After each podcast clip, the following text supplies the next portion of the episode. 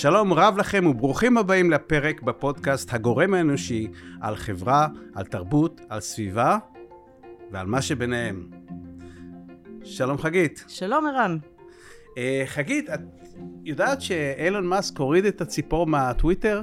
כן, וראיתי שהוא שם uh, סמל אחר של איקס. זה אקס, כן? כן. וזה מפריע להרבה אנשים. נכון. שהציפור כי... נעלמה להם פתאום. כי הייתה נורא חמודה. כי אנשים אוהבים ציפורים. ציפורים, נכון? כן, נכון, כן? נכון. הן יפות. הן עפות. הן עפות.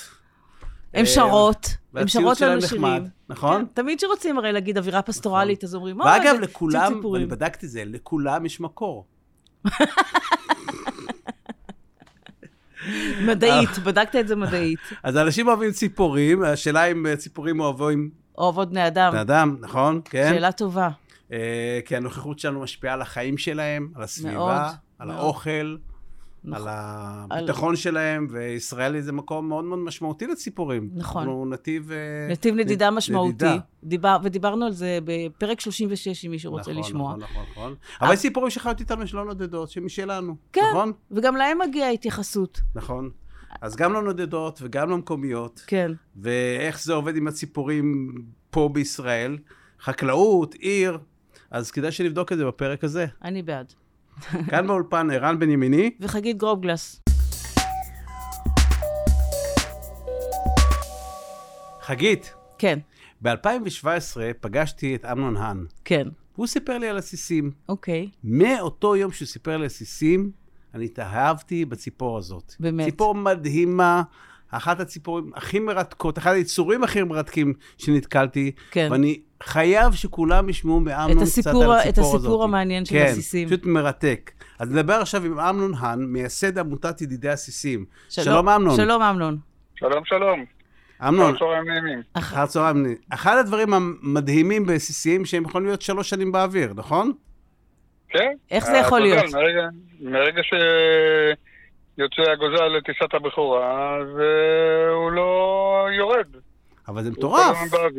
כן, אתה צריך לישון, אתה צריך לאכול, אתה צריך לעשות הרבה דברים. אתה כל הזמן עושה בטיסה, זה הציפור המיוחדת הזאת, היא התרגלה, היא התפתחה לתעופה בלבד, בעיקר, וזה מה שהיא עושה רוב הזמן. אבל היא... גם כשהיא לא, גם כשהם לא פה, כשהם כבר בגיל יותר בוגר, כשהם מקננים, אז רוב הזמן הרי הם לא פה, הם באזור באפריקה. טנזניה, קונגו, זימבבwe, בשמיים, שם הם לא נוחתים, הם כל הזמן באוויר. אבל גם, גם כשהם מתנקים, גם כשהם אוכלים, גם ש... הכל, הכל, הכל, הכל, הכל, הכל, הכל במעוף. ואיך הם ישנים? איך הם נחים? איך הם ישנים באמת? כן, אחד מהדברים שהטבע פיתח, שיש יצורים שמסוגלים להיות במצב שינה, תוך כדי תנועה. זה ממש... וגם סוס ישן בעמידה, נכון? כן. גם כרישים, כרישים ישנים גם כן תוך כדי שיט, לא? וואו. גם הדבר מרתק, הם, הם יכולים לצוד חרקים, איזה כמות של חרקים ביום הם יכולים לצוד? למחיה שלהם לא הרבה במיוחד, אלפים בודדים, אבל ברגע שיש להם גוזלים שהם צריכים להאכיל ושיתפתחו, בתקופת הכינון, כל אחד מבני הזוג צד אה, כ-20 אלף חרקים עופים. וואו, וואו, וואו. זאת אומרת שהם מדבירים, מדבירים מה, טבעיים. מה קורה מדביר, ל... ביולוג, מדביר ביולוגי מושלם. מה קורה ליתושים בסביבה של? או, יתושים זה המעדן שלהם. אה, כן? והם מסוגלים להוריד את זה? כן. כמה אלפי יתושים ככה במעוף? יש לנו, אחד מהדברים שיש לנו קשר עם ג'יין גודול, שמאוד תומכת בפעילות של ה... של הסיסים בכלל באירופה, לא שלנו ספציפית. כן. בכלל בעולם, אז היא גם יסדה, היא זאת גם יסדה את ה... יום הבסיס הבינלאומי, הרי היא שגרירה של האו"ם בענייני שמירת טבע. כן, ג'ן גודול מהשימפנזים, מהספר אני והשימפנזים. נכון, נכון, כן. נכון, נכון. אז היא גם כן מאוהבת בסיפור של הסיסים. והגוף שלה, שנמצא באפריקה ומטפל בשמירת טבע, בעיקר בנושא של אה, צמחייה, אז יש האנשים שלה מטפלים גם בעניין של ה... הסבר לתושבי היבשת לא לצוד את הסיסים. כן. כי הסיסים בעצם מצילים אותם, בריאותית. בדיוק. כולם יודעים שהסיבת מוות השנייה באפריקה זה בעניין של המלאריה. מלאריה. אז כן. והיתושים נושאים את המלאריה איתם, נכון? בדיוק, והסיסים מדבירים אותם. וואו, מדהים. עוזרים לא מעט להדביר את היתושים. עכשיו. הם, הם בעצם אה, לא, הן מתחילות לעוף באופן שונה מרוב הציפורים, נכון? הן גרות במקומות גבוהים, והן פשוט קופצות. הם לא גרים, הם מקננים. מקננים, הם- סליחה. כן. הם, כן, רק אה, תראי, הם נוחתים רק בשביל לקנן, והם עושים את זה רק בתקופת הכינון, והם לא עושים את זה במקום שהם חיים באפריקה. הם נודדים צפונה למקומות הכינון שלהם, בתזמון להגיע לאותו אזור הכינון, מתי שמתחיל שם האביב. כן, אז אלינו, לישראל, הם מגיעים בסוף ינואר, תחילת פברואר, אוקיי? כן. אה, לאירופה הם מגיעים בסביבות אה, סוף מרץ-אפריל, לסקנדינביה הם מגיעים בסוף מאי, אפילו תחילת יוני. אז, אבל למה, למה... יכול להיות, מ- יכול להיות מצב שקבוצות שיוצאות מישראל אה, חוזרות לאפריקה ב- ביוני, שגמרו את הכינון פה, הם עושים סיבוב אחד של כינון, כן. וישר חוזרים לאפריקה. הם יכולים לפגוש בדרך את הקבוצות שעולות מאפריקה וטסות כן. לסקנדינביה, לקנן בסקנדינביה, כן. אבל, אבל למה, למה הן מגיעות לערים, ליישובים? סליחה? אנחנו רואים אותם ביישובים, בערים, מסתובבים. נכון, הם, אה, הם למעשה חיית הבר היחידה שבפועל ימצא את אה, בני האדם אה, בגלל המגורים שלהם, בגלל המבנים שאנחנו בנינו להשתכן בהם. אה. אה, אחת הסיבות שהשם שלה בעברית, השם המלא זה סיס החומות. Mm, כי ירמיהו הנביא הוא זה שהבחין בהם אה, שהן מקננות בחומות ירושלים. אה, זה נדבק להם השם הזה. הוא נתן להם את השם סיס, וגם אחר כך זה התפתח להיות סיס החומות. אז החורים האלה במבנים בעצם מאוד מתאימים לכינון שלהם. בגלל שהציפור הזאת התפתחה לתעופה, במשך כל האבולוציה שלה של המיליוני שנים, דרך אגב, יש מאובן של סיס במוזיאון בברלין שהוא בן 49 מיליון שנה. וואו, וואו. כן. וואו. כן, זה אז באמת מרשים. אבולוצ- כן, מרשים הוא מאוד. דומה? הוא דומה אה, לצורה של הוא הסיס? דומה לחלוטין וואו. לצורה של הסיס הנוכחי. 49 מיליון שנה? כן, וואו. האבולוציה, אז זה מה שאני אומר, האבולוציה שלהם היא כזו עתיקה. ו- ותיקה, אה, ש... וזו התפתחות לתעופה ב- בלבד. כן. ולכן הכנפיים שלהם אה, הפכו לצרות וארוכות. הגוף שלהם צר וקצר, הן לא כבדות, הן ציפורים אה, לא גדולות. כן. המוטת מוטת כנפיים שלהם מאוד גדולה, בשביל שיהיה להם את המקסימום אה, יעילות אווירודינמית, מה שנקרא. ומצד שני, הם צריכים אה, מהירות אוויר מינימלית בשביל לקיים את ה... שיהיה להם את העילוי, שהם יוכלו לתמרן ול... ולעוף ולשמור על גובה. מצד שני, גם בגלל ההתפתחות הזאת של תעופה בלבד, שהן לא הולכות אה, על הקרקע ללקט מזון והכול, אז הרגליים שלהם התנוונו. נכון שהתפתחו להם ציפורניים חדות וארוכות, בשביל להיכנס לקינים של הכוכים שהם נכנסים אליהם, אבל אה, זהו, הם, בגלל זה, בכל הסיבות האלה הם צריכים תמיד לקנן במקומות גבוהים, בתוך כוכים. הם לא יכולים ללקט אה, ענפים של, אה, של עצים אה, ולבנות להם, אה, כן, אלא הם מלקטים באוויר כל מיני חלקים, בעיקר נוצות של ציפורים אחרות, ועם הרוק שלהם הם מדביקים את זה בתוך הכוך. ולכ- ואותו הם אה, מצאו לקנן. ולכן זה. נוח להם מבנים שבני אדם בונים, שיש שיש בהם מקומות מבנים גבוהים. של בני אדם, בדיוק. הבתים של פעם, של הגגות רעפים עם כל הארגזי רוח, והבתים של התריסים של פעם, תריסי גלילה, זה מקומות שהם מאוד אוהבים אותם, מאוד נוחים להם. אבל כבר אין יותר, אין, אבל. אבל אין, אין יותר תריסי גלילה וכבר פחות רעפים, והיום יש הם... תריסי, נכון, יש תריסי גלילה, שהם הרבה יותר צרים ולא מאפשרים כניסה. הגגות הרעפים נהיו אטומים לחלוטין, הם קיימים. Mm, וזה פוגע זה בהם? וזה פוגע פה- בהם? אז בוודאי זהו. זה פוגע בהם. זה אחת הסיבות שהם אה, באופן אה, דרסטי, המצב שלהם אה, בכי רע. ולא רק בישראל, גם בכל אירופה והעולם. זאת בכל אומרת, אירופה יש שם מקננים. אבל אתה עושה, אתם עושים פעולות כדי uh, לעזור למצוא מקומות שהם יוכלו לקנן, נכון? לפי מה שהבנתי. לבנות להם אתרי כינון, כן. כן. לשמור על אתרי כינון קיימים. אם יש בניין שמשפצים או שבונים בניין חדש או עושים בניין בשביל לעשות בניין אחר במקומו, כן. אז לנסות לשכנע את היזם לעשות בבניין החדש אה, תאי כינון חדשים. ובמקביל, אה, מה שאנחנו עושים יותר זה לבנות להם אה, תאי כינון במקומות אחרים. אין תק- בבניינים חדשים. אין אבל תקן אה, בנייה שלוקח את זה בחשבון? את הסיסים? תקן בנייה, הלוואי והיה. תראה, תקן הבנייה הירוקה, הוא מאפשר ליזם אה, ניקוד אם הוא עושה כזה דבר, אבל הוא לא מחייב. Mm. זה אחד הדברים שאני מנסה שנים על שנים להזיז עם, עם הרשויות, לפחות עם עיריית תל אביב, כן. שיקחו את החובה הזאת בתור, את הפרק הזה בתור חובה, לשמור על האקולוגיה של האתר. ובהרצליה, לשמחתי, הצליחו כבר משהו לעשות בכיוון הזה לפני כמה חודשים. הבנתי ש... לא לא רק לעניין סיסים, אלא בכלל לעניין של שמירת טבע עירוני. הבנתי שאחד האתרים שהסיסים אוהבים בארץ זה הכותל המערבי. זה האתר הכינון הוותיק ביותר שידוע בעולם. באמת? כן. וואו. יש שם... ב-2001 עשו שם מחקר בינלאומי, כן. יחד עם פרופסור מנדלסון עליו השלום, ואיתרו שם 88 קינים. וואו. בין סללי הכותל המערבי, כן. ממש מעניין. יפה. מעניין. יפה. רואים אותם תמיד ב- בכל הטקסים של יום העצמאות, אה, לא, אה, שהטקסים מפריעים. להם. לא, אה, לא מפריעים להם, הם לא, אבל הם נמצאים תמיד ברקע של הטקסים. כן. Mm, יפה. רואים אותם טסים שם ושורקים, מדהים. צוהלים. כן. אמנון, תודה רבה. תודה תודה רבה על. הרעיון. תודה, יישר כוח, ביי. תודה. ביי. חגית, אז uh, דיברנו עם אמנון על הסיסים, נכון. אבל uh, מעבר לסיסים, במרחב העירוני יש עוד המון המון מינים של uh, ציפורים. אנחנו כמובן מכירים את הדרורים ואת העורבים, אבל בשנים האחרונות יש גם uh, מיינות ודררות וכל מיני uh, פולשים. למיניהם.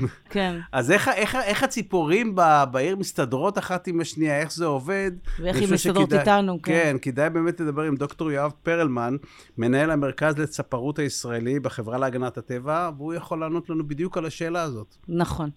שלום יואב. שלום, יואב. שלום חגית, שלום ערן.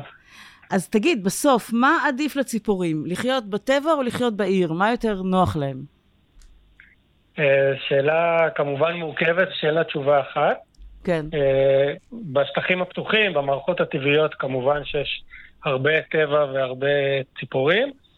אה, גם בתוך העיר, כמו שרן מציג בפתיח, יש בסך הכל הרבה חיים, הרבה דברים שקורים, וחשוב לשמור על הטבע גם בעיר, גם בזכות עצמו, בזכות העושר שלו, וגם בזכות מה שהוא נותן לנו לבני אדם. צריך לזכור את שני הדברים האלה יחד. אבל כן. בעיר יש גם אה, חיים אחרים, כמו חתולים.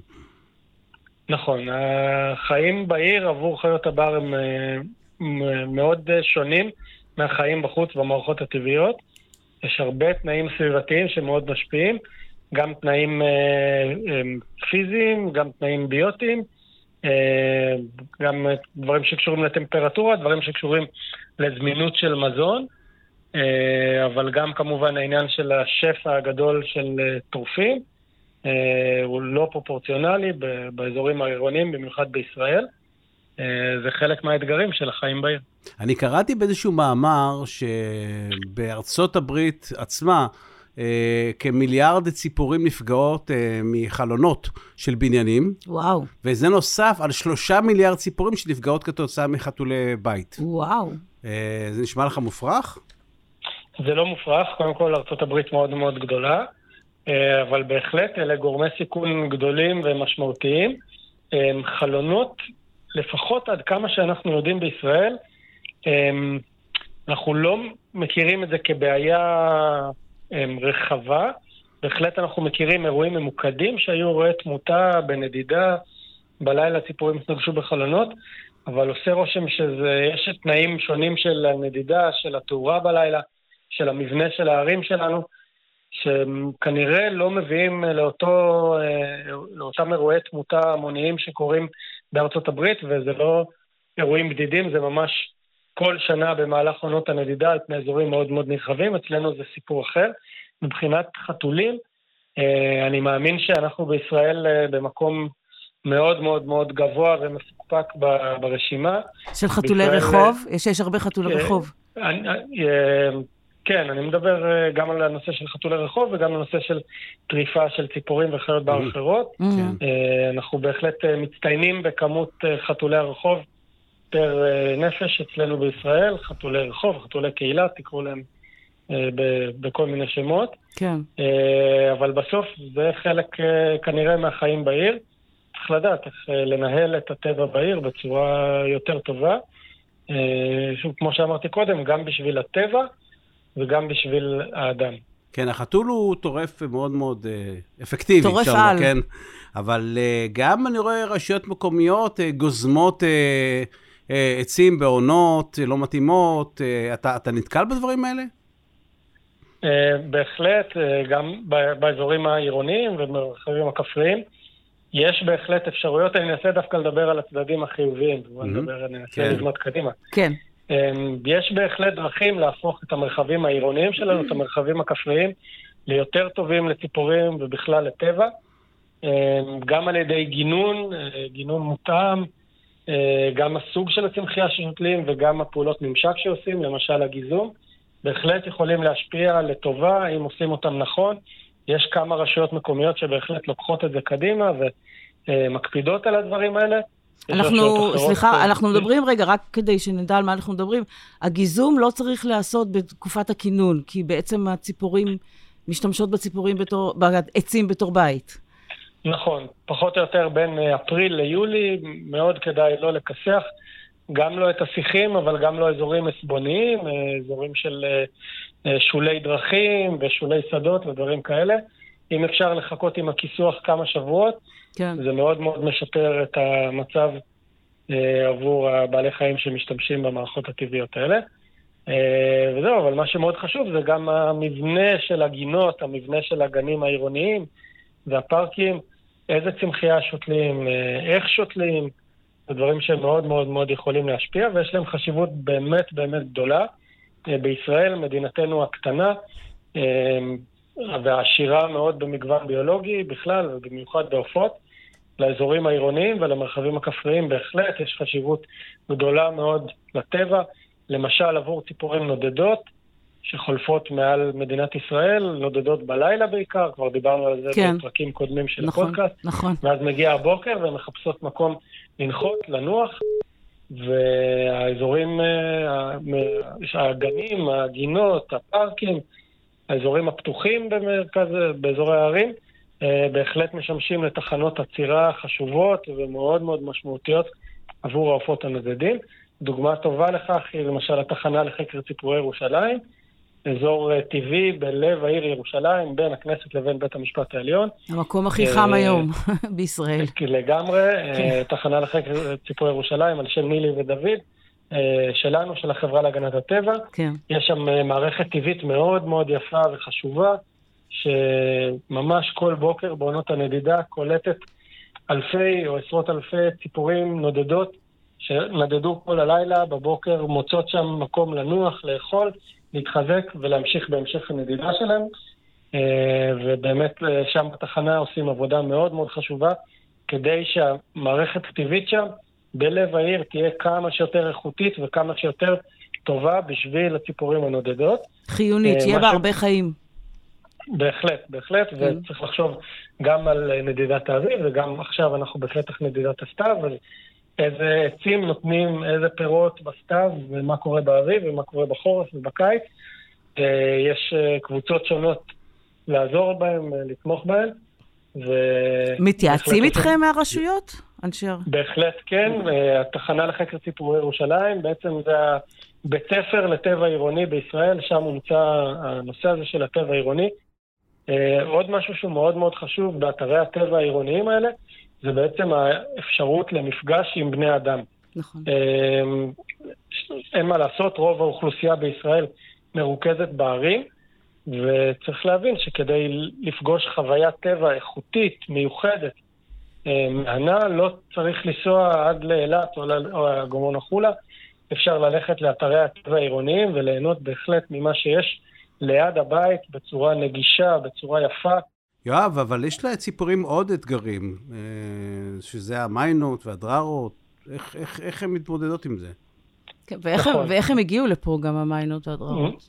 נכון, בעשורים האחרונים אה, המרחב העירוני מאוד מאוד השתנה מהבחינה של הרכב חברת העופות, ושני המינים שציינתם, המיינה המצויה והדררה, הפכו בעצם להיות בין המינים הדומיננטיים ביותר במרחב העירוני, אה, בטח ובטח אה, בגוש דן, המון המון דררות, המון מיינות וגם הרבה תוכי נזירי. אה, אלה מינים, המיינה והתוכי הנזירי, מינים שהתבססו פה לפני בסך הכל כ-25 שנה. שני מינים שהם לא מכאן, הם ממקומות אחרים בעולם, הגיעו בכלובים כחלק מהסחר העולמי בחיות מחמד. אה, הגיעו כציפורי כלוב, ברחו מהכלובים, ובעצם בצורה מאוד מאוד מאוד מהירה התפשטו ברחבי הארץ. מיינות למשל יש היום ממש מהחרמון ועד לאילת. אה, גם דררות נמצאות ממש בכל מקום. אה, באמת המון המון המון חיות נוספו למרחבים האלה, בעיקר במרחבים העירוניים, אבל גם במרחבים הכפריים. אה, עדיין אין לנו המון מידע על איך זה משפיע על הציפורים המקומיות. יש עדויות, יש כמה מחקרים ראשוניים שמראים את הקשר שהוא די אינטואיטיבי, שברגע שיש כל כך הרבה ציפורים שנוספות במרחבים העירוניים, כמו המיינות והדררות, זה בטוח חייב לבוא על חשבון מישהו. עדיין uh, יש שם עבודה שנעשית. Uh, לצערי הרב, uh, עבור, לפחות עבור המיינה והדררה והתוכי הנזירי, נראה שכבר עברנו איזושהי נקודת אל חזור, uh, וצריך פשוט ללמוד להתרגל איתם עם. אגב, ליד הבית שלי, זהו, ליד הבית שלי רואה יאוריות, פתאום יותר ויותר. נכון. נכון, יריות זה גם, זה גם מין אה, פולש. אה, מאיפה הם הגיעו? אה, גם מגני חיות, מפינות חי.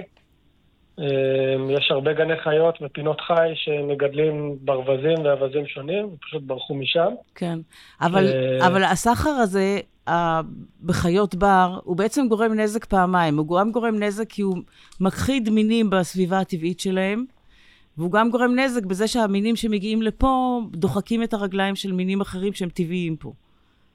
נכון מאוד. אה, צריך להגיד, זה לא בצורה גורפת לכל המינים, אבל בהחלט המינים האלה שציינו, מיינה, דררה ותוכי נזירי, לא רק בישראל, בכלל בעולם, הם מוכרים כמינים פולשים מאוד מאוד מאוד נרחבים. בהמון מקומות הם גורמים לבעיות קשות ורציניות מאוד. ולכן, אה, למשל, מדינת ישראל צריכה להחליט איזה מינים היא מתירה לייבא ואיזה לא. לפחות אצלנו יש איזושהי רגולציה, אבל הרגולציה צריכה אולי להיות קצת יותר קפדנית מה מותר ומה אסור. כן. אה, וכמו שאמרת, בצד השני, אה, יש מינים שבהחלט הסחר העולמי בחיות בר שנלקחות כדי להיכנס לכלובים לצורך העניין, מביא מינים, למשל התוכי האפריקאי האפור, ג'אקו, אני חושב, קוראים כן. לו בעולם הזה של אה, כן. חנויות בעלי חיים. Uh, הוא נמצא בסכנת הכחדה עולמית, הוא ממש הגיע על, אל סף הכחדה, בגלל שלוכדים אותו ללא רחמים באזורי הדגירה שלו במרכז אפריקה. אנשים קונים את התוכים האלה כדי שישעשעו אותם. Uh, כן, הם קונים, ויש הרבה אנשים, לצערי, שעושים מזה הרבה הרבה הרבה מאוד כסף. כן. Uh, תעשייה מאוד מאוד ענפה ומפותחת. וחבל. כן, אני, אני באופן אישי מעדיף את חיות הבר שלי בבר. בדיוק. ובמקום שהן אמורות להיות בו. נכון. Uh, קשה לי לשפוט אנשים ששמים חיות בר בכלובים כל עוד זה חוקי. לא רק אתה, לא רק אתה מעדיף, גם הן מעדיפות. גם הן מעדיפות. בדיוק. כן. אפשר להגיד. אבל רק צריך לזכור שאם הלכתם לחנות אה, וקניתם איזה תוכי אוסטרלי כלשהו, ופתאום אה, נחמר לבכם, ובא לכם אה, לשחרר אותו, חס וחלילה אל תעשו את זה. כן. לא ישרוד, הוא לא ישרוד, כן, אה? כן, גם זה, הוא עלול למות מזה. וגם... הכי טוב לא לקנות, לא לפרנס אותם, הכי טוב לא לקנות, בדיוק. לגמרי. לא. טוב, יואב, חשוב מאוד, תודה רבה. תודה רבה על הראיון. נשמח להמשיך ולשוחח על הדברים הללו. כן. בשמחה, תודה לך. תודה, ביי ביי. ביי. אז חגית, הסיפור האחרון שלנו לפרק הזה הוא סיפור של שיתוף פעולה. שיתוף פעולה מוצלח. שיתוף פעולה מוצלח בין בני אדם וציפורים. ציפורים. כן. נשמע מצוין. וזה גם שיתוף פעולה שכל הצדדים נהנים ממנו. נכון. ולצורך העניין הזה נדבר עם מי אם לא פרופסור יוסי לשם, מאוניברסיטת תל אביב והחברה להגנת הטבע. שלום יוסי. שלום יוסי. שלום וברכה. אז יוסי, אנחנו שמענו על, פרויקט התנשמות שלך. אתה יכול לספר לנו מההתחלה? כן. מאיפה הוא נולד ולמה הוא טוב? כן, אז קודם כל הוא לא שלי, יש לנו קבוצה מאוד גדולה של אנשים. אוקיי. הייתה לי הזכות הגדולה ליזום את הפרויקט הזה. האמת, התחלנו ב-1982, בעמק החולה, אחרי שראינו שיש אלפי ציפורים שכל שנה מרעילים אותם בגלל שימוש בחומרי הדברה. כמו שאתם יודעים, הממשלה גם אז עשתה לא מעט טעויות. כן. וייבשו את החולה, 60 אלף דונם של בתי גידול אחים ואגם. כן. כדי שיהיה שטח לחקלאים. כן. והתחיל, והתחילו שם להתפשט במסות גדולות מאוד נברנים, וכדי לפתור את הבעיה של נברנים התחילו להרעיל בכמויות, ואלפי ציפורים נודדות וציפורים מקומיות אה, נפגעו מזה. ואנחנו אמרנו, זה לא יכול להיות מצב כזה, שעכשיו אנחנו גם פוגעים בציפורים. הם אכלו פשוט את ה... ברעיון, הם אכלו את המכרסמים כן. שהורעלו, ואז הורעלו בעצמם. כן, הציפורים. ואם בא למשל אה, דייה או חסידה, שהיא רואה פתאום אה, מכרסמים שהם מסתובבים כמו שיכורים בשדות בחוץ, אז כשהיא אוכלת שבעה, שמונה נברנים כאלה או מכרסמים, אז היא מרכזת את הרעל בגופה. כן. וגם היא מתה בהרעלה משנית, וככה הרעיון היה מאוד פשוט. הרעיון היה אה, להציב תיבות כינון לתנשמות. אנחנו יודעים שהן אוהבות לקנן, היא נכנית גם בתנשמת באנגלית ברנה או ינשוף האסמים. היא אוהבת לקנן במקורות אדם, בשדות חקלאיים.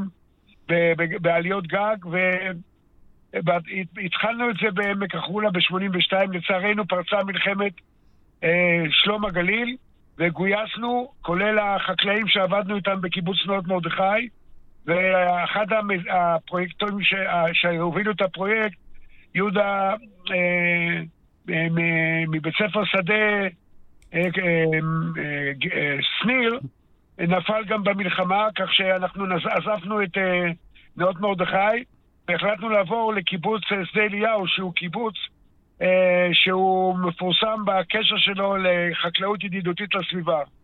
כך שב-83 התחלנו ממש את הפרויקט הזה, הצבנו שם 14 תיבות כינון ראשונות, והתברר לנו להפתעתנו שהתנשמות באות לבד, לא צריך להכניס אותן לתיבות, כי היה לפרופסור מנדלסון מאוניברסיטת תל אביב עודף של תנשמות, הרעיון היה בהתחלה ל- ל- ל- ליישב אותם בתיבות, לא היה צריך, הם באו לבד, ומ-14 תיבות ב-1983 זה עלה ל-60 תיבות בשדה אליהו, ואחר כך בכל עמק בית שאן, והיום, בשנת 2023, אה, אנחנו עם פרויקט עם 5,000 תיבות בכל רחבי הארץ.